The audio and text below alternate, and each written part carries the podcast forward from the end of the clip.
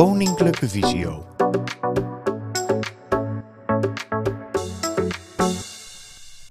Deze beeldopname is grotendeels goed te volgen als je alleen luistert. Uh, welkom allemaal bij het uh, webinar over slecht zien naar een beroerte. Uh, in deze bijeenkomst worden visuele beelden gebruikt die soms wat moeilijk te beschrijven zijn. We proberen dat zoveel mogelijk. Ook zijn er beelden uit testen die zich moeilijk lenen om te beschrijven voor mensen die het niet kunnen zijn, omdat anders ehm, we het doel missen van deze afbeeldingen. We hopen dat u daar begrip voor heeft. Mirjam Baas en ik, Petra Groothuis, uh, houden de vragen bij en um, zullen die doorspelen naar de sprekers of uh, we beantwoorden ze uh, digitaal. En mochten er nog vragen overblijven, krijgt u achteraf antwoord. Hallo allemaal. Um, nou, wij geven de presentatie aan jullie. Um, waaronder neuropsycholoog Eline Wil. Die is misschien voor sommigen ook te zien. Uh, Tanja Uitendaal, zij is ergotherapeut in opleiding. En door mij, Olga Veldhuis. En ik ben ergotherapeut bij Koninklijke Visio. Ja, zoals uh, en Olga net een beetje in kaart hebben gebracht. Uh, er, is een, er is een breed publiek vandaag voor dit, ehm, voor dit, voor dit webinar. want we gaan het hebben over visuele klachten na een, na een beroerte. En ja, het is, het is een heel, beroerte zelf is een heel ingewikkeld onderwerp. Visuele klachten is een heel breed en ingewikkeld onderwerp. Um, dus het zal bij dit praatje, het zal helaas niet lukken om op ieder onderwerp heel, um, heel diep in te gaan. we gaan vooral proberen om een beeld te scheppen van welke visuele klachten wij vaak zien. en ja, waar dat vandaan komt vanuit de hersenen. En dat stukje ga ik voornamelijk vertellen. En Tanja en Olga gaan jullie wat meer vertellen over wat fysio dan kan doen bij de visuele klachten. Hoe kunnen we mensen dan weer, eh, dan weer verder helpen? Om even het onderwerp in te leiden. Uh, we spreken zelf bij fysio, hebben we het, uh, hebben het over niet aangeboren hersenletsel. En ehm, beroerte is een vorm van niet aangeboren hersenletsel. We zullen tijdens deze presentatie termen zoals NAH, beroerte herseninfarct, we zullen het wat door elkaar heen gebruiken. Um, maar we bedoelen, daar, we bedoelen er hetzelfde mee. We bedoelen er eigenlijk mee um, ja, de schade na, een, na niet, aangeboren, niet aangeboren hersenletsel. Uh, kan je hem een keer doorklikken, Tanja? En we onderscheiden eigenlijk uh, twee vormen van NAH. Het eerste is uh, traumatisch, traumatische vorm van niet aangeboren hersenletsel. En het heeft een oorzaak buiten het lichaam. Dat is bijvoorbeeld NAH wat ontstaat na een, na een auto-ongeluk, waarbij iemand hoofdletsel oploopt. kan je de volgende keer, Tanja? En daarbij onderscheiden we ook niet-traumatisch hersenletsel. En daarbij is het oorzaak van het hersenletsel komt vanuit het lichaam. En de bekendste daarvan is het CVA, het cerebrovasculair incident. En dat is ook wat veel mensen ook bedoelen met een, met een beroerte. Um, en ja, het oor bij trauma, niet traumatisch uh, hersenletsel ligt de oorzaak ligt dus binnen het lichaam. En het is bijvoorbeeld een bloedvat wat verstopt raakt of een bloedvat wat knapt. In dat geval noemen we het een hersenbloeding. En door het um, de, obstructie door het vastlopen in van het bloedvat krijgt een gedeelte van het brein krijgt geen zuurstof meer. Doordat dat gedeelte van het brein geen zuurstof meer krijgt, um, sterven de hersencellen in dat gedeelte af. En uh, door het afsterven van die hersencellen verliest dat gedeelte van de hersenen verliest zijn functie. Um, wat dus inhoudt dat ook een bepaalde functie van het brein het, dus het minder goed of misschien wel helemaal niet meer doet. Uh, het is afhankelijk van waar in het brein de verstopping heeft gezeten, wat het gevolg zal zijn van, uh, van, de, van de verstopping, van het, uh, van het incident. Dus de grootste groep van cliënten die wij zien zijn mensen die een, die een CVA of een hersenbloeding hebben doorgemaakt. Waarbij ongeveer 80% heeft een CVA doorgemaakt en 20% heeft een, een hersenbloeding doorgemaakt. En ongeveer ieder jaar worden er um, meer dan 40.000 mensen worden door hun eerste beroerte worden die getroffen. Het is een, dat is een grote groep. En um, ja, dat is ongeveer 117 mensen per dag, maken een, maken een beroerte door. dus het is een, een grote groep, ook een groep waar steeds meer vanuit de zorg ook steeds meer aandacht voor komt. En dus ook steeds meer zorg en aandacht voor visuele problemen na het doormaken van een herseninfarct. verder hebben we nog, kan er ook NH ontstaan door een infectie, door zuurstofgebrek, door bijvoorbeeld tumorgroei of door epilepsie. En ook uh, wordt soms worden neurodegeneratieve aandoeningen, dat wil zeggen de ziekte van Parkinson, Alzheimer en MS, eh, worden ook geschaard onder NAH. Uh, het verschil daarbij is dat Parkinson, Alzheimer en MS hebben een, meestal een geleidelijk beloop, waar een CVA of een hersenbloeding heeft een heel acuut beloop. Er is iets gebeurd en gelijk daarna zijn er verschillen in het dagelijks leven te bemerken. Zou je naar de volgende slide willen gaan, Tanja? Zoals ik net al noemde, kunnen de gevolgen van NAH kunnen heel breed zijn. Het is afhankelijk van waar, uh, waar de verstopping in de hersenen gezeten heeft, wat, um, ja, wat precies de problemen zullen zijn. Uh, veel zijn bijvoorbeeld mensen die krijgen motorische problemen, coördinatieproblemen, uh, problemen, dat de waarneming, of de, ook ja, waarneming, maar ook bijvoorbeeld de tastzin veranderd is sinds het herseninfarct. Gedragsproblemen. Mensen reageren ineens heel anders op situaties dan dat ze voor het herseninfarct deden. Stemmingstoornissen. Uh, wat we heel vaak horen is vermoeidheid. Mensen hebben het dan vaak niet over een, een lichamelijke vermoeidheid, maar juist over een, um, over een mentale vermoeidheid. Uh, de batterij is heel snel leeg en laat eigenlijk niet zo makkelijk meer op zoals dat gebeurde voor het herseninfarct. En ook cognitieve stoornissen, problemen in geheugen, taal en concentratie. Maar het grote ding waar we het vandaag over gaan hebben zijn problemen in de waarneming. Mag je naar de volgende slide, Tanja? En dan komen we bij de eerste poll. En uh, die mag Petra starten. Juist. En we, vragen ons af hoeveel procent van, van de mensen die een CVA doormaakt, heeft een, leidt uiteindelijk tot een visuele beperking. Hoe vaak komt het nou eigenlijk voor? Dan mogen jullie kiezen uit uh, 20, 30 of 50 procent van de cliënten, mensen en patiënten.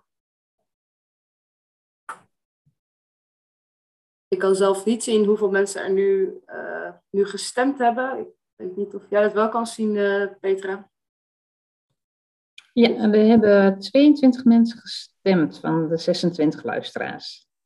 Oké, dan, uh, dan, stel ik voor dat, wij de poll, dat we de poll sluiten. 50% van de mensen, dus uh, ja, jullie, jullie zijn, gaan ervan uit dat het, dat het heel vaak voorkomt. En ja, dat, dat klopt inderdaad ook wel. Het is um, afhankelijk van welke literatuur je raadpleegt, welke percentages er exact worden worden gegeven. Um, maar de, het visuele problemen komen vaker voor dan, dan mensen in de regel denken eigenlijk. Um, ook vooral omdat na een herseninfarct zijn er vaak heel veel acute lichamelijke problemen. Uh, die veel opvallender zijn dan een visueel probleem. Ook, ook zijn visuele problemen vaak lastig voor mensen om te herkennen. Er is zoveel gebeurd na zo'n herseninfarct. Dat is eigenlijk van, is er, ja, dat is misschien niet eens realiseren dat er iets veranderd is in hun zicht. Dus vandaar dat, pas, visuele klachten na een herseninfarct pas laat worden, uh, laat worden vastgesteld, of soms, juist heel, soms zelfs helemaal niet worden vastgesteld. Oké, dan uh, stel ik voor dat we de, de tweede vraag eventjes even laten en dat ik verder ga met de presentatie. Juist. Um, want waar komen die problemen in de waarneming na een herseninfarct nou, nou vandaan? Nou, dat komt omdat, een, uh, omdat we eigenlijk, we zien niet alleen met onze ogen, maar een groot gedeelte van wat we zien wordt ook bepaald vanuit, vanuit de hersenen. Um, in onze ogen komt het, komt het licht van de buitenwereld komt binnen. En via de kegels en de staafjes, wordt het licht het in het oog valt omgezet naar een signaal dat kan door de, worden doorgegeven door de oogzenuw achterin, en die lijkt naar achter in het brein. Per oog heb je één oogzenuw. En uh, die zenuwen kruisen elkaar op een gegeven moment en gaan dan weer uit elkaar achterin naar de uh, achterste gedeelte van de hersenen, wat de primaire visuele cortex of occipitaal wordt genoemd. En in dat gedeelte van de hersenen wordt, het, wordt het signaal, dat licht, wat, dat licht wat omgezet in een signaal, wordt omgezet in een, naar een beeld wat we kunnen begrijpen. En dit gebeurt in verschillende stapjes. Het is eerst wordt herkend van welke vorm heeft het bijvoorbeeld, welke kleur heeft het. Um, hoe ziet de textuur hiervan er, eruit? En als dat, als dat beeld gebouwd is, dat noemen ze ook wel het percept, dan wordt er pas betekenis aan dat, um, aan dat percept gehangen. Je herkent eerst welke vorm heeft het, welke kleur heeft het. Dan denk je van, oh, het is een, um, het is een niet-machine bijvoorbeeld. En pas dan komen er ook nog stapjes bij van, wat kan je eigenlijk met een niet-machine? Wat, ja, wat, doe je, wat doe je ermee en heb je bepaalde herinneringen aan die machines? Het zijn allemaal stapjes in um, het, ja, het waarnemen van de wereld om ons heen. En het kan ook in uh, verschillende, uh, verschillende plekken van die, die stapjes kan, kunnen er ook problemen ontstaan. Je mag naar de volgende slide, uh, Tanja. En uh, globaal gezien onderscheiden we daarin twee verschillende routes die informatie volgt in het brein. Uh, de informatie komt via de hersenbanen aan bij de primaire visuele cortex, waar dus, al die, waar dus de vorm, de kleur en de grootte, die uiterlijke kenmerken al wordt bepaald. En daarna gaat het beeld via het brein, via de achterkant van het brein, verder naar voren in het brein, waarbij er steeds een beetje meer informatie bij komt. En daar onderscheiden we de, waar, de waarroute in en de watroute. Um, in de waarroute wordt bepaald, eh, dat noemen ze ook wel de dorsale route. In de waarroute wordt bepaald van waar in de ruimte uh, is dit object. En um, het wordt gebruikt om bijvoorbeeld het overzicht te krijgen. Die niet-machine waar ik net noemde, uh, waar staat die ten opzichte van mij? Uh, kan ik die niet-machine pakken? En um, ja, uh, dus hier staat opgezond, dus de overzicht, selectie, plaatsverhouding, dus ook, maar ook die integratie van de motoriek. Wat kan ik met, dit, uh, met deze informatie? Kan ik die machine pakken? Kan ik uh, uh, sla ik hem van de tafel af als ik er naartoe beweeg? Dat zijn allemaal dingen die worden bepaald in de waagroute. Daartegenover heb je ook de watroute. En dat is de route die uh, ligt wat lager in het brein. En die bepaalt ook wat is het nou precies waar ik naar aan het kijken ben. Uh, wat ik bijvoorbeeld eerst de herkenning van uh, het is een niet-machine en daar moeten een bepaald soort nietjes in. Of um, ik heb ooit een keer iets meegemaakt wat te maken heeft met, gehad met een, met een niet-machine. Dus er wordt in de wat-route wordt er, wordt er betekenis gegeven aan het voorwerp wat we, ja, wat we zien. En, uh, dus door deze, deze twee routes gecombineerd bepalen dat wij kunnen snappen wat we om ons heen zien. Uh, maar als er bijvoorbeeld een probleem is in de wat-route, bijvoorbeeld uh, een probleem in de objectherkenning, dat je niet meer de, de, de, de, juiste, dat je wel ziet van, nou, ik zie een niet-machine, die is die in die kleur, maar dat je gewoon niet meer snapt wat, wat je precies ziet. Of dat je bijvoorbeeld niet meer, of dat je wel snapt dat het een niet-machine is, maar dat je niet meer weet wat je ermee kan doen. Dat zijn problemen die uh, kunnen ontstaan door, door schade in die, in die route in het brein. En dat zo'n soort probleem van het net niet helemaal kunnen begrijpen wat je om je heen ziet, dat wordt een probleem in de hogere visuele perceptie genoemd. Waarbij de lagere visuele perceptie is het herkennen van de vorm, grootte, kleur van het object. De hogere visuele perceptie is als het ware het interpreteren van wat je om je heen ziet. Um, de volgende slide. Uh, dit was, zijn hier vragen over wat er tot nu toe, tot nu toe verteld is? Nee, er zijn geen vragen binnengekomen. Oké, okay. dan, uh, dan gaan we denk ik verder naar, het, uh, naar de volgende slide. En um, ik wil jullie wat uitleggen over wat het, uh, wat het gezichtsveld is. want het gezichtsveld is problemen in het gezichtsveld is iets wat we vaak zien na, uh, na een beroerte. Wat een van de want wat een veelgehoorde klacht is na een herseninfarct. En het gezichtsveld is, uh, is, wordt ook wel, sommige mensen ook wel je blikveld genoemd. En als, bij gezonde mensen is, is het gezicht wel eens ongeveer 180 graden. Als je je armen zo naast je lichaam houdt en je kan als het goed is nu aan allebei de kanten, kan ik zonder ernaar te kijken, kan ik mijn vingers zien. Dat betekent dat ik een gezichtsveld heb van 180, 180 graden. En uh, dit beeld, dit gezichtsveld, wordt bepaald door het zicht vanuit mijn uh, allebei de ogen. Je gebruikt, je, je gebruikt zowel je linker als je rechter oog om hier een volledig overzicht over te krijgen. Um, dit gezichtsveld, dat, wordt, uh, dat, dat ligt dus op de occipitaalval. Um, hier op de slide zien jullie dus de, de twee ogen met de hersenbanen naar achter en waarbij de hersenbanen uitkomen op de visuele, visuele schors. Um, de, uh, door, door de hersenschade kan er ergens in deze baan achter of in de cortex zelf uh, kan, er, kan, er probleem, kan er een probleem ontstaan waardoor een gedeelte van het gezichtsveld wegvalt. En um, hier staan verschillende plekken waar er, waar er schade kan ontstaan. En het leidt ook tot verschillende eh, verschillende vormen van gezichtsvelduitval. Uh, waarbij je dus bijvoorbeeld de hemianopsie hebt. En daarbij zie je, aan, uh, zie je dus aan een van de twee kanten van, van het gezichtsveld zie je, geen, zie je geen beeld meer.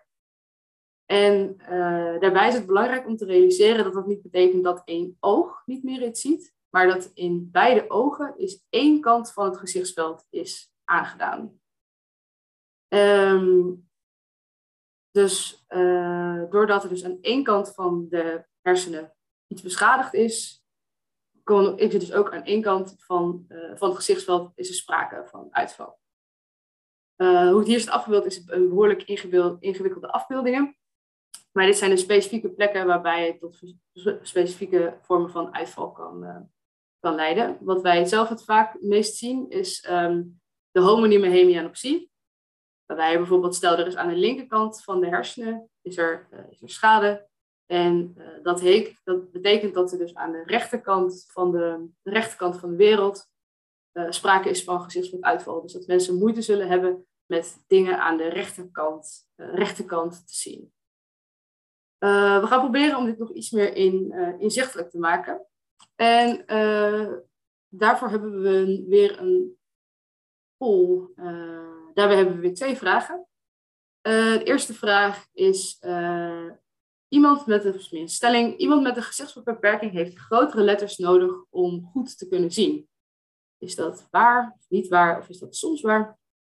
Een andere vraag: mensen met een hemianopsie zien een zwart of wazig vlak in het gezichtsveld. Dus aan de kant waar, waarvoor ze de gezichtsvelduitval hebben. Is dat waar of niet waar?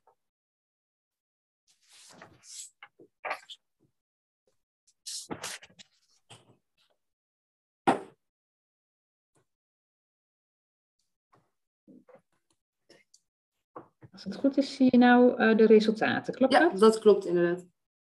Nou ja, Olga, willen jullie, jullie hier iets uh, over zeggen?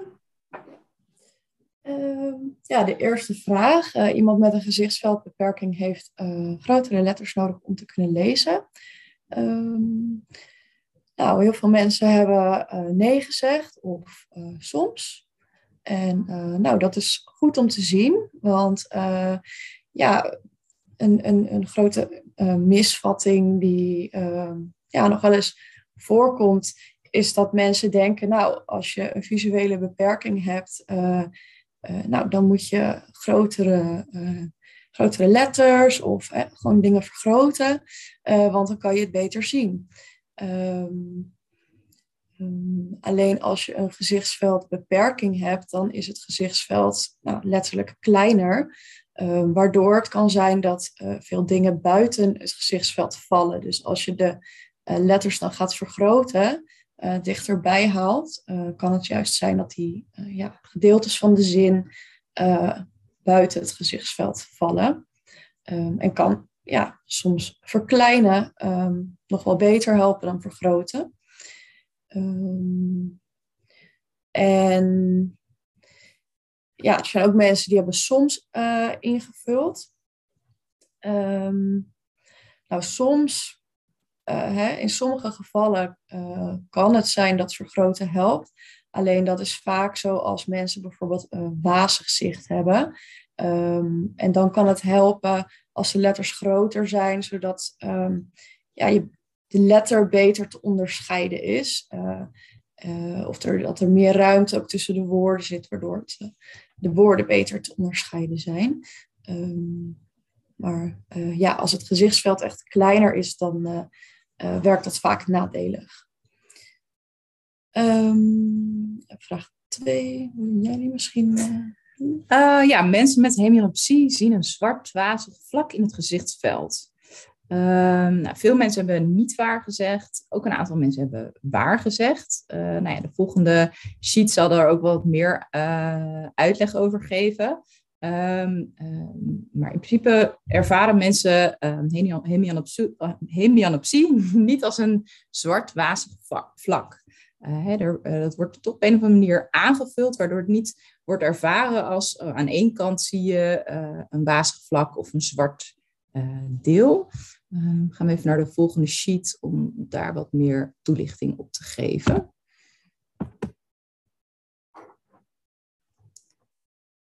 Um, nou, zoals je hier ziet, hè, is, is, het, is het dus niet één zwart vlak. in dit geval is de het her te zien. En is het, ja, het zwaan is eigenlijk, uh, het zwijn is weggevallen, maar je hersenen vullen dus al zelf het beeld in.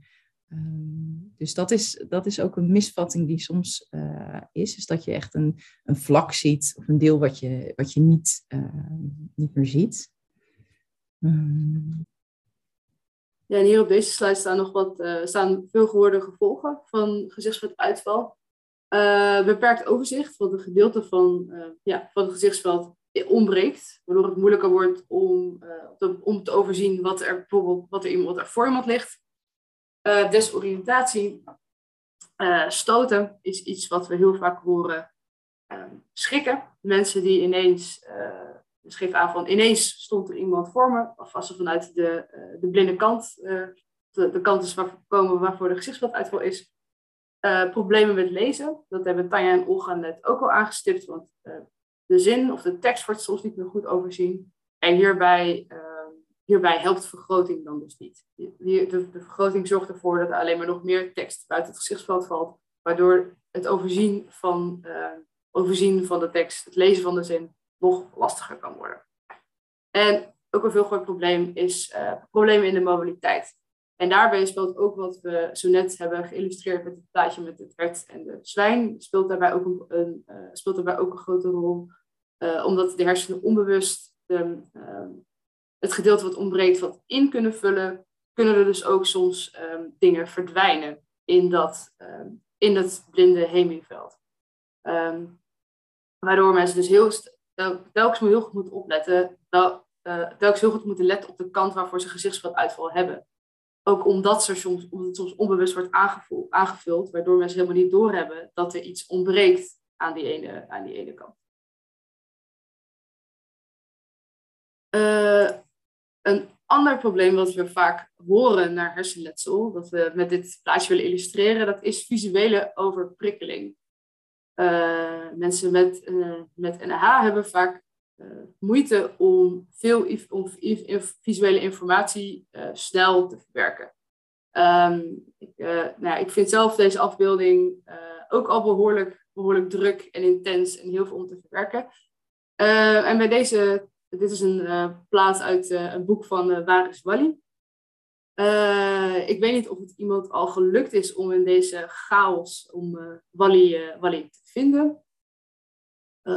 Nou, kan je nog een momentje geven om, uh, om te zoeken. Wie of wat is Wally? Wally is een. Uh, Wally heeft een uh, rood, rood met wit gestreept mutsje en een rood met wit gestreepte trui aan. Een brilletje en een wandel, wandelstok. En ergens in deze tekening is hij, is hij verstopt. Maar je ziet dat er is heel veel afleiding en, geplaatst. waardoor het heel moeilijk wordt om, om het te vinden. Uh, Tanja zou je ook volgende willen drukken. Dan kunnen we laten zien waar die, uh, waar die daar zit die in deze tekening, uh, tekening verstopt. En we gebruiken deze slide om te illustreren hoe, hoe moeilijk het is om telkens heel veel visuele informatie te moeten verwerken. Want als je nu op zoek moet naar Wally, dan moet je de hele tekening scannen om te kijken van, oh, is dat hem, is dat hem, is dat hem, is dat hem. En zo wordt de wereld soms omschreven door mensen die last hebben van visuele overprikkeling. Ze zijn telkens alle prikkels die ze binnenkrijgen, moet, zijn ze aan het verwerken waar ons brein er uh, voor nature op ingericht, om, ingericht is om heel veel prikkels te onderdrukken. Uh, mensen omschrijven ook wel dat, uh, de, dat de filter, de filter is stuk. Die alle visuele prikkels die binnenkomen, um, ja, worden ook verwerkt. Wat eigenlijk het kijken echt ontzettend vermoeiend maakt. Dus voor iemand met visuele overprikkeling die in deze afbeelding Wally zou moeten gaan zien, dat zou ontzettend vermoeiend zijn en ehm, ik denk ook dat, dat mensen heel naar een aantal minuten al zouden vragen of, ze de, tekening, of de tekening weg kan.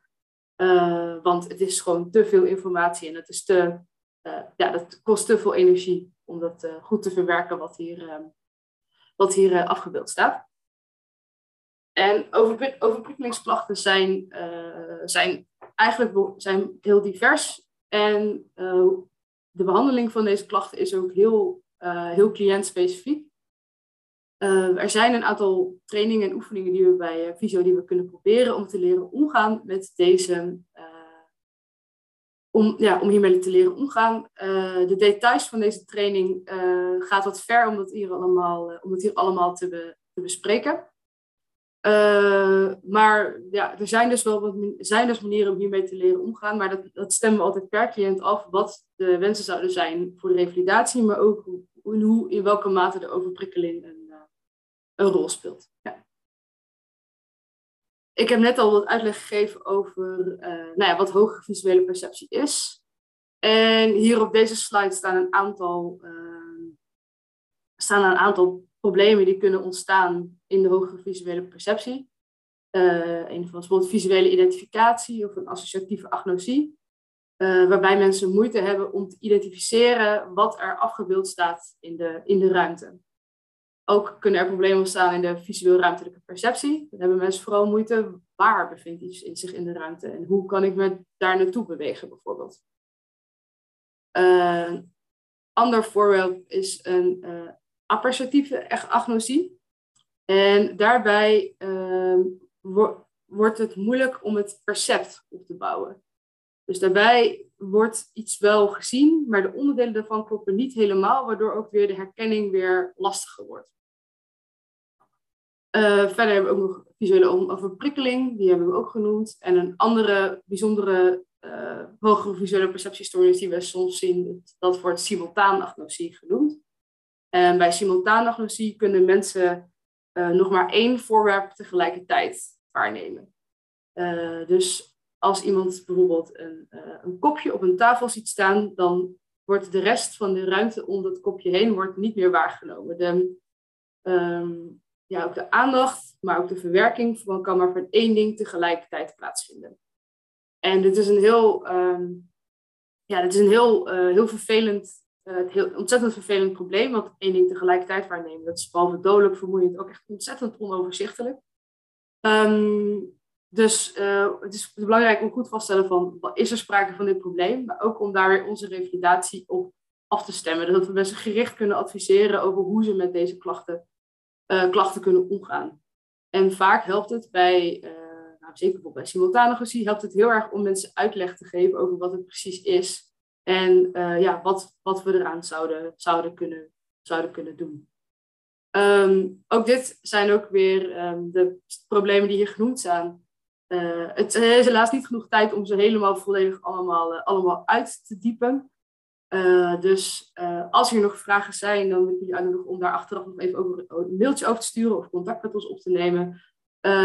Maar het gaat te ver inderdaad nu om ook weer om deze dingen helemaal weer, helemaal weer uit te pluizen. Um, dat was het theoretische gedeelte. Dan geef ik nu het woord aan Tanja en Olga en die gaan jullie wat meer praktische dingen vertellen. We hebben nog wel wat vragen. wil je die nog beantwoorden? Oh. ik kijk even naar Tanja en Olga qua tijd. Ja, oké, okay, dat is prima. Ja, oké. Okay. Eh, kunnen beschadigingen in een ander gedeelte van de hersenen toch zorgen voor visuele problemen? Ehm, nou, ik heb vooral, ehm, vooral eh, schade achter in het brein zorgt voor visuele problemen. Of iets verder naar voren in, ehm, iets verder naar voren in het brein. Maar als er bijvoorbeeld schade helemaal voor in het brein zit, dan, zal, eh, dan verwacht ik niet per se visuele problemen. Dan wat er wel kan, is dat er dan bijvoorbeeld een probleem is in de aandacht. Wat dan stoort met de, met de, visuele, met de visuele verwerking. Oké. De volgende vraag. Ik zie met elk oog goed, met elk oog goed, maar mijn ogen werken niet goed samen na een auto-ongeluk. Waar zit dit probleem dan precies? Ehm, het probleem kan inderdaad dan zitten in, eh, in de samenwerking van de ogen. En ehm, dat zou dan bijvoorbeeld. Ehm, eh, dat zou bijvoorbeeld eh, in, de, in de hersenstam kunnen zitten, waar beelden samen worden gevoegd. Maar het is altijd heel lastig om uh, het is hierbij heel lastig, want het zou bijvoorbeeld ook in, uh, in de oogbewegingen kunnen zitten. Dan zit het probleem niet per se uh, in de hersenen, of nou ja, wel de uitsturing van de hersenen, maar dan maken de ogen allebei een andere beweging, waardoor ze niet zeg maar een goed beeld samen hebben. Dus dat is even mijn, mijn korte antwoord. Maar ook dit is best wel weer een. Um, dit is ook weer iets waar echt wel ook vanuit bijvoorbeeld oogheelkunde wel veel diagnostiek voor nodig is om hier een heel, heel duidelijk antwoord op te geven. Oké. Wat is het verschil tussen neglect en hemianopsie? Um, hemianopsie is, uh, bij een hemianopsie is er echt sprake van uh, schade in, uh, een, een, probleem in het gezichtsveld. Er is echt een gedeelte wat, ja, wat niet meer wordt, wordt waargenomen. bij neglect kan in principe het gezichtsveld intact zijn, maar is er geen aandacht voor één kant van, uh, één kant van, de, van de wereld. Waarbij dus uh, hemianopsie is echt een probleem in het gezichtsveld en neglect is een stoornis in de aandacht. Um, wat we willen zien is dat we het gezichtsveld in kaart brengen. We brengen bij kind het gezichtsveld in kaart met een bepaalde, uh, bepaalde meting. Dan zien we soms bij mensen met neglect dat het gezichtsveld is volledig. Maar zodra je dan een aandachtstaak met ze doet, missen ze consequent dingen aan één kant. En dat ligt er dan aan dat ze de aandacht nog maar op één gedeelte van de wereld kunnen richten en het niet kunnen verleggen naar de andere kant. Waarbij een hemianopsie is er echt een gedeelte van de, ja, vaak van de occipitaalkap die niet meer werkt, dus waar ook echt geen, um, waar ook echt geen signaal meer binnenkomt. Dus het, is, het ene is echt een uitvallend gezichtsveld en het andere is een probleem in de aandacht. En dan de laatste vraag. Wat kan je doen aan visuele overprikkeling? Uh, uh, nou, ik zie hier ook staan uh, medicijnen, vitamine. Daar, um, uh, daar heb ik verder geen, geen weet van dat er specifieke medicijnen of vitamine zijn die hiervoor zouden, zouden werken. een ding waar wij bijvoorbeeld naar, bij Visio naar kijken is, we kunnen kijken naar of de sensorische integratie, of het integreren van alle sensorische signalen die binnenkomen, of dat goed gaat en of daar aanpassingen kunnen worden gedaan. En verder überhaupt het doen van aanpassingen kan al zorgen dat de de hoeveelheid prikkels die binnenkomt, dat die wordt verminderd. Waardoor, uh, waardoor de verwerking minder vermoeiend kan worden. Um, maar zoals net genoemd, visuele overprikkeling is, het is heel persoonlijk. Wat voor de ene werkt, werkt voor de ander niet. Dus ook daarvoor is wel weer wat diagnostiek en observaties zijn nodig om echt goed te bepalen wat, uh, wat daarin werkt. Oké, okay. nou dankjewel. Oké. Okay. Um, nou, er komt een stukje over nou, wat kun je nou terug horen in de praktijk. Hè? Dat is ook vooral voor de omgeving van iemand met een visuele beperking. Uh, als het gaat om uh, visuele beperking als gevolg van NAH, uh, zijn er verschillende dingen die je terug kunt, kunt horen. Kan ook aan andere dingen liggen, maar het kan misschien wel een signaal zijn, één of meerdere dingen tegelijk. Ehm, bijvoorbeeld mijn bril is niet goed, ehm, mijn bril is vies, die, die moet veranderd worden. Uh, soms is het moeilijk voor iemand uh, zelf om uit te drukken uh, ja, waar het misgaat. En is dat ook moeilijk te duiden. En zou dat een signaal kunnen zijn van, hey, is er misschien iets meer aan de hand? Um, ik zie het wazig. Um, doe het liefst mijn ogen dicht. In het geval, hè, alle, alles wat binnenkomt wordt als te heftig ervaren. Um, het lezen lukt niet. Hè. Eerder werd ook al benoemd uh, dat, dat lezen ook onder andere bij hemianopsie, maar er zijn ook andere andere hersenschade, wat, wat problemen bij lezen kan veroorzaken. letters dansen, vloeien in elkaar over. Um, ik sla steeds een regel over. Kun je ook iets bij voorstellen als je één zijde mist um, en je moet steeds weer terug naar de eerstvolgende regel. Um, ja, als je dat deel mist, kan het zijn dat het terugspringen naar de eerste regel moeilijk gaat of het makkelijk doorlezen. Dus dat, dat zijn allemaal signalen die je, die je op kunt pikken van datgene wat de cliënt dan benoemt.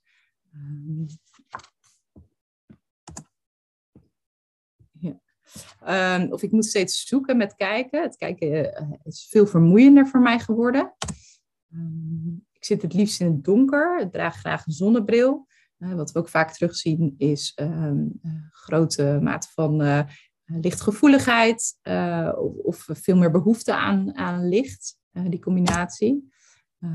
alles lijkt tegelijk binnen te komen. er is geen filter, alles is heftig. Um, andersom, wat eerder werd genoemd, dat maar één ding uh, binnenkomt en, en de rest, dat je dat niet van elkaar kan onderscheiden, hoor ik ook wel in de praktijk. bijvoorbeeld afgelopen week was er iemand die benoemde dan, ja, voetbal kijken, dat, ja, het in, op een of andere manier interesseert het me niet meer. en in zijn geval had hij dus ook simultaan agnosie. En je kunt je daar ook iets bij voorstellen, hè? een voetbalveld met verschillende voetbalspelers. Als je daar maar uh, ja, uh, je focus op één ding kan houden en, het, en het ander het niet in, in één geheel ziet, ja, dan is een, een spelletje voetbal natuurlijk ook niet zo interessant meer om te kijken. En in, in dit geval, zo'n cliënt kon het dan niet zelf uitdrukken waar de, waarom dat dan niet meer leuk was om te kijken. Ja, het, het, interesseert me niet meer. Dus dat zijn ook signalen die je kunt oppikken. Um, ik zie het wel, maar ik begrijp het eigenlijk niet. En uh, ja, niet naar buiten durven gaan. Ik ben bang dat ik val. Uh, dus dat zijn vooral de verbale dingen die je terug hoort in de praktijk. Uh, en ja, wat je terug kan zien, is bijvoorbeeld dat iemand veel, ja, toch wel moe is geworden. Um, ja, het gevoel heeft dat andere mensen hem niet begrijpen, meer van iemand verwachten dan, dan dat de cliënt aan lijkt te kunnen. Um, verdwalen, hè? je ging altijd dezelfde route, maar ineens weet hij niet meer hoe hij uh, naar de supermarkt moet komen. Um, ja, dingen duren veel langer dan voorheen. Dat is ook wel een signaal van hoe kan, komt het nou dat iemand uh, uh, ineens een kopje thee zet en veel langer duurt dan normaal gesproken. En nogmaals, met heel veel punten kan het natuurlijk, dat is, het, dat is de puzzel bij NAH. Sommige dingen kunnen visueel zijn, maar het kan ook aan andere dingen liggen. Hè? Want schade, um, hersenletsel, het kan ook motorisch van alles uh, veroorzaken. Dus de vraag is dan altijd van hè, welk stukje komt vanuit het visuele deel. Andere hoofdstand. Iemand kijkt je niet aan of is steeds zoekend. In de supermarkt kijkt alle kanten op of in gesprek. Um, ja, ook wel, wat, wat je ook wel terugziet, is vermijdend gedrag. Hè? Als dingen dan niet lukken, uh, steeds niet lukken, ja, dan ga ik maar binnen zitten. Uh, dan heb ik ook niet het risico dat ik allerlei uh, problemen tegenkom of tegen mensen aanstoot of dingen niet kan vinden, de weg niet terug kan vinden. Ja, de ongelukjes zoals de dingen van tafel stoten of naastgrijpen, veel aan het zoeken.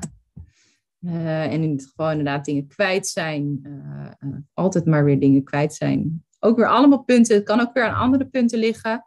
Of andere schade liggen. Ehm, maar het is altijd wel goed om dit even bewust te kijken van oké, maar waar... het zijn toch veel verschillende dingen. Zou het niet aan het visuele kunnen liggen? Uh, ja, wat kan je nou zelf doen? Uh, het is natuurlijk, zijn wat algemene dingen die wel bevorderend zijn. Het is altijd goed naar de individu te blijven kijken wat voor die cliënt werkt. Um, het is ook mogelijk om ja, vrijblijvend contact op te nemen met ons. iemand hoeft niet altijd volledig in revalidatie en aanmelding te komen, maar het is ook gewoon mogelijk om voor een korte tip uh, contact op te nemen. Maar waar je bijvoorbeeld, ja, wat heel, heel werkt, dit is gewoon structuur aanbrengen. Ehm, dingen op vaste plekken leggen. Ehm, recht voor een cliënt iets neerleggen in plaats van aan, aan, de rechter of linkerkant. en ook dingen benoemen wat je, wat je doet. Um, teruggaan naar oude motorische handelingen. Soms hè, als iemand toevallig net ook een nieuwe telefoon heeft gehad, uh, kan het soms wel een optie zijn om toch weer te kijken van, hè, uh, werkt het niet als we gewoon teruggaan naar, uh, voorheen was je altijd gewend om met een, een, een, een, huistelefoon met, met snoer te bellen. werkt dat dan niet voor je? dus terug naar wat iemand heel erg gewend was om te doen. Ehm, markeringen aanbrengen op veel gebruikte voorwerpen of objecten. Um, ja, komt natuurlijk wel precies uh, overal weer wat opplakken, kan ook weer afleidend zijn. Dus wees je wel daar bewust in. En ja, waar nodig, vraag ook uh, om ons uh, mee te laten denken. maar dat, dat kan wel helpend zijn. Vaste oriëntatiepunten aanbieden. iemand helpen op de route. loop altijd via de rode brievenbus. Of op, in, de, in, in, in huis kan het soms helpen om op de deur de, het toilet als, te zetten. En dat, nou ja, dat is natuurlijk per cliënt weer verschillend, want kan iemand het wel lezen? maar dat zijn wel dingen die, die je uit kunt proberen wellicht. vooral ook de tijd geven om dingen zelf te kunnen doen. Ja, en wat wij vaak mensen ook nog aanraden is ehm, het gebruik van contrast. Um, en ja, je kan hier zelf ook op letten. Um, als je kijkt naar de omgeving, uh, nou, dan kan je letten op nou, hoeveel contrast is er aanwezig. Omdat contrast, uh, ja, contrast heeft een, een signaleringsfunctie, een herkenningsfunctie. Omdat het eigenlijk laat zien waar het ene voorwerp stopt en het andere voorwerp begint. door het kleurverschil. Uh, daarnaast zorgt het ook voor overzicht en rust. Um, en dat is voornamelijk bij cliënten met NAH eh, belangrijk om een, om een rustig beeld te creëren en dat het nou, overzichtelijk en duidelijk is um, welke voorwerpen waar staan, dat voorwerpen um, nou, bijvoorbeeld bij een gezichtsveldbeperking daardoor ook makkelijker te vinden zijn. Um, en dat het, uh, nou ja, in elk geval een rustig beeld is en geen uh, chaotisch beeld. Uh, nou, hier zie je nog een plaatje van een wc. bijvoorbeeld kan helpen is, nou ja, zo'n gekleurde wc-bril om ja, ook weer contrast aan te brengen tussen de ja, wc-pot en de bril. Um, nou, dit is bijvoorbeeld een plaatje uh, van een beeld wat heel lastig is voor mensen met NAH over het algemeen. Um, omdat dit een ontzettend druk beeld is met veel kleuren, veel verschillende voorwerpen. Um, nou, denk bijvoorbeeld terug aan die visuele overprikkeling, dat plaatje met waar is Wally? Um, voor mensen met visuele, uh, die last hebben van visuele overprikkeling, is dit een ontzettend um, ja, heftig beeld. En hierin kan het dus fijn zijn om nou, op een juiste manier ook gebruik te maken van contrast.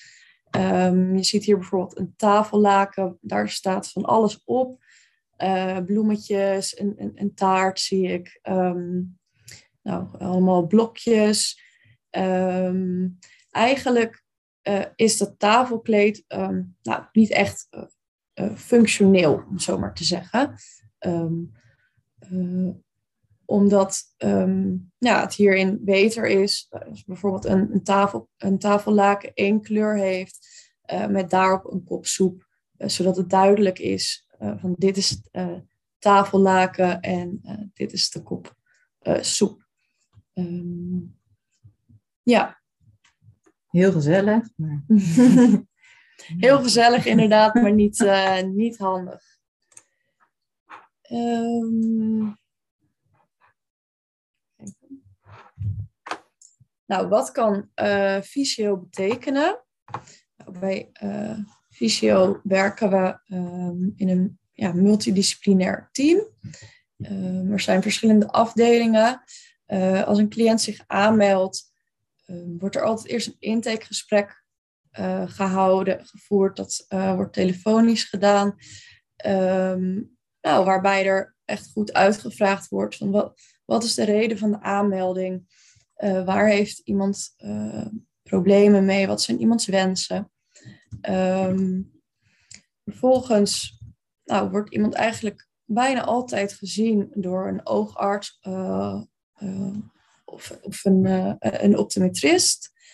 Um, ja, omdat het handig is om te weten hoeveel iemand ziet en of er ook beperkingen zijn in het gezichtsveld. Um, de neuropsycholoog is uh, nou, zeker bij de NAH-cliënten, um, ja, speelt, hij een grote rol. Um, omdat, ja, zoals al eerder genoemd, het soms onduidelijk is hè, uh, waar de problemen vandaan komen. het kan in de, aan de visuele verwerking liggen. Uh, maar het kan ook aan heel veel andere zaken uh, liggen. Um, en dat is iets wat de neuropsycholoog um, ja, gaat uitzoeken, naar een oordeel over gaat geven.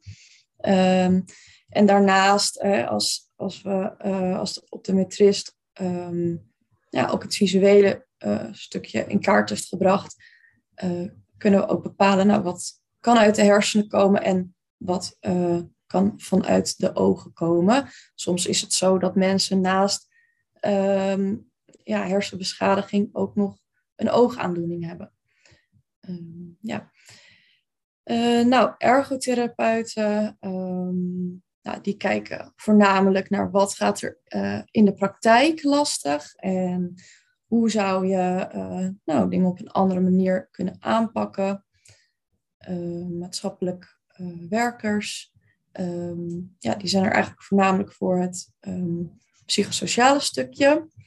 Um, bijvoorbeeld nou, het accepteren van uh, visuele uh, klachten, uh, beperkingen. Eh, psychologen, ambulant begeleiders en adviseur arbeid komt soms ook nog bij kijken als mensen uh, ja, echt gericht vragen hebben over werk. We hebben nog vijf minuten. We hebben gewoon een hele sheet met. Uh, uh, Die gaan we niet denk ik heel uitgebreid behandelen, maar even kort wat beeld van wat, wat zijn nou hulpvragen die, die veel voorkomen. Wat ruimte voor de vragen hebben. Mm -hmm. um, ja, mensen die kunnen bijvoorbeeld vragen hebben op het gebied van lezen, bijvoorbeeld Um, uh, nou, ik, ik kan mijn post niet meer lezen. Um, ja. Um, vraag op het gebied van ICT. Eh, bijvoorbeeld, uh, nou, het lukt mij niet meer om zelf te telefoneren of een WhatsApp te versturen of de computer te bedienen. veel vragen ook op het gebied van mobiliteit, bijvoorbeeld het buiten lopen fietsen, um, autorijden of verplaatsen met het OV. Um, nou, hierbij kan een hulpvraag zijn, uh, hè, ik, ik struikel veel of ik ben angstig op straat, uh, uh, ik heb moeite met oversteken. zelfverzorging, nou, bijvoorbeeld het uitzoeken van kleding. daarbij kan een, een, een hulpvraag zijn, ik, ik, ik kan de kleuren niet meer goed zien. Ehm, ja, um, make-up opdoen, nagels verzorgen, noem het maar op. Uh, verlichting um, kan een onderwerp zijn, uh, omdat ja, verlichting vaak wel kan helpen. Um, uh, daarnaast is, is het wel belangrijk om verlichting op een goede manier, juiste manier te gebruiken. want het kan ook zijn dat mensen juist veel last hebben van het licht. Dus om daar een goede uh, balans in te vinden is belangrijk. Uh, ja, zowel binnen als buitenshuis. Um, nou, vrije tijd, hè, um, bijvoorbeeld sporten of handwerken. het huishouden, nou ehm, ja, koken. Bijvoorbeeld, ik vind het eng om te koken. ik zie het niet meer goed. Help mij hierbij. Ehm, het schoonmaken, de was doen, bijvoorbeeld de wasmachine bedienen. Hoe doe je dat als je de knopjes niet meer kan zien? Um, nou, communicatie is een, um, een gebied. Um, bijvoorbeeld de tv kijken, de ondertiteling uh, lezen. en telefoneren met uh, nou, bijvoorbeeld de huistelefoon. En dan heb je nog ja, psychosociaal, dat gaat echt om het stukje ja, acceptatie, of het verdelen van de energie, omdat ook vermoeidheid vaak voorkomt. Dan uh, gaan we nu naar de vragen. Ja, er waren een aantal vragen van tevoren ingezonden. En als het goed is, hebben we het een en ander wel terug laten komen. Waarbij daar uh, wel belangrijk is. Dus dat sommige dingen misschien wat diep zijn om, om dit uur uh, aan bod te laten komen. Um, mogelijk uh, hebben de hosts nog uh, vragen op dit moment, of degene die vragen hebben ingezonden, hebben het gevoel van ik wil toch nog iets uh, weten over de, de, dingen die ik heb ehm, gesteld. Zijn er vragen binnengekomen, Petra? Nee, er zijn geen nieuwe vragen binnengekomen. Alleen één iemand die even vroeg of het webinar terug te kijken is. En dat is het inderdaad op kennisportaal.visio.org.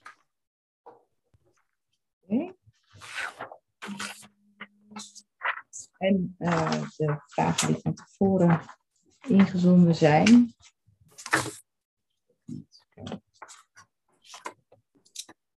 Ja, nou, ik denk. Oh, wacht, zijn er. Er was bijvoorbeeld een vraag over uh, uh, ja, het extra knijpen met oogspieren om te accommoderen ja, zo'n vraag als die is voor deze presentatie gaat wel wat, wat diep, maar neem gerust contact op uh, als het om een persoonlijke vraag gaat of om een vraag uh, voor je cliënt, zodat we daar gericht ook antwoord op kunnen geven. Um, ja, zo is er bijvoorbeeld ook een vraag gesteld over het syndroom van Balint. Die is kort aangestipt door Eline. Um, ja, er zijn er wat, wat vragen over de training daarvan. Uh, ja, neem, neem vooral contact op, zodat we daar wat, uh, wat ja, echt gericht antwoord op kunnen uh, geven. nou ja, wat doet Fysio precies bij NH? We hebben een aantal dingen weer aangestipt. Um, we, kunnen, we kunnen wel heel lang door blijven praten over wat er allemaal mogelijk is. Um, maar vooral kijken we graag mee per persoon wat voor diegene belangrijk is en welke factoren daarvan van, van op invloed zijn. Um, en, en weet vooral ook dat je ook vrijblijvend uh, contact op kunt nemen voor, voor kort advies. Hè. Soms, uh, natuurlijk, we hebben ook een wachtlijst. Dus in die zin kan ik me voorstellen dat je soms denkt, oh, mijn cliënt, duurt nog wel even voordat hij daadwerkelijk geholpen wordt. Hè, soms kunnen we ook door, door kort advies te geven in de eerste fase al wat betekenen. En kan iemand alsnog wel aangemeld worden, maar kunnen we misschien alvast um, ja, wat ondersteunen of, of degene die daarbij betrokken is al wat tips, gerichte tips geven. Ja. Er is toch nog een vraag binnengekomen. Dat is, speelt de cirkel van Willis ook een rol? En is de vraag dan vooral bedoeld met op het, uh, de, op het uh, of schade aan de cirkel van Willis leidt tot visuele problemen? Of um, is dat wat de vraagsteller bedoelt? Ik hoop dat de vraagsteller even wat meer informatie via Q&A wil geven over de vraag. Nou, het kan wel voor zo zijn dat, dat, er, dat er iets verstoord is in de cirkel van Willis, waardoor er een herseninfarct optreedt. Maar het is, denk, het is niet per se zo dat um, een probleem in de cirkel van Willis per definitie tot een visueel probleem leidt. Als dat uh, wat geeft op je vraag. Um, ja, en dit is verder, dit is wel een heel specifiek neurologische, uh, neurologische vraag. Ik denk, ik denk niet, dat, denk niet dat, het, uh, dat je het zegt van cirkel schade van Willis is altijd een visueel probleem. Ik denk dat dat te stellig is. Oké. Okay. Bedankt, wordt er nog even gezegd. Dan uh, denk ik dat wij aan het einde van, van onze presentatie, van ons webinar, ons webinar zijn. Uh, nou, zoals is genoemd, uh, ja, neem, neem, contact op als bij specifieke vragen waar we vandaag niet de, de tijd voor hadden om daar op de diepte op um, in te gaan. webinar is terug te kijken via kennisportaal.visio.org. Daarvoor worden jullie allemaal, krijgen jullie een, een link. je kunt je kunnen aanmelden voor de, de nieuwsbrief van Visio met een mailing over nieuwe, nieuwe webinars. En hieronder onderaan staat het telefoonnummer ehm, waarop, jullie ons, uh, waarop jullie Visio kunnen bereiken. En kunnen aangeven dat jullie naar aanleiding van dit, uh, dit webinar nog vragen hebben of een, een andere vraag hebben met de aanleiding uh, visuele klachten naar, ja, naar NAH. dus ik, ehm, ik denk dat we jullie allemaal heel erg willen bedanken voor, voor jullie aanwezigheid hier vandaag. laat ons weten wat jullie van de presentatie van vandaag hebben gevonden. En dan uh, sluiten we het af, uh, denk ik. Yes, bedankt voor jullie komst. Ja. Vond je deze informatie nuttig? Kijk dan eens op kennisportaal.visio.org voor meer artikelen, instructies en podcasts. Heb je een vraag? Stuur dan een mail naar kennisportaal.visio.org of bel naar 088 585 5666. Wil je meer weten over de dienstverlening van Koninklijke Visio? Ga dan naar www.visio.org. Koninklijke Visio, expertisecentrum voor slechtziende en blinde mensen.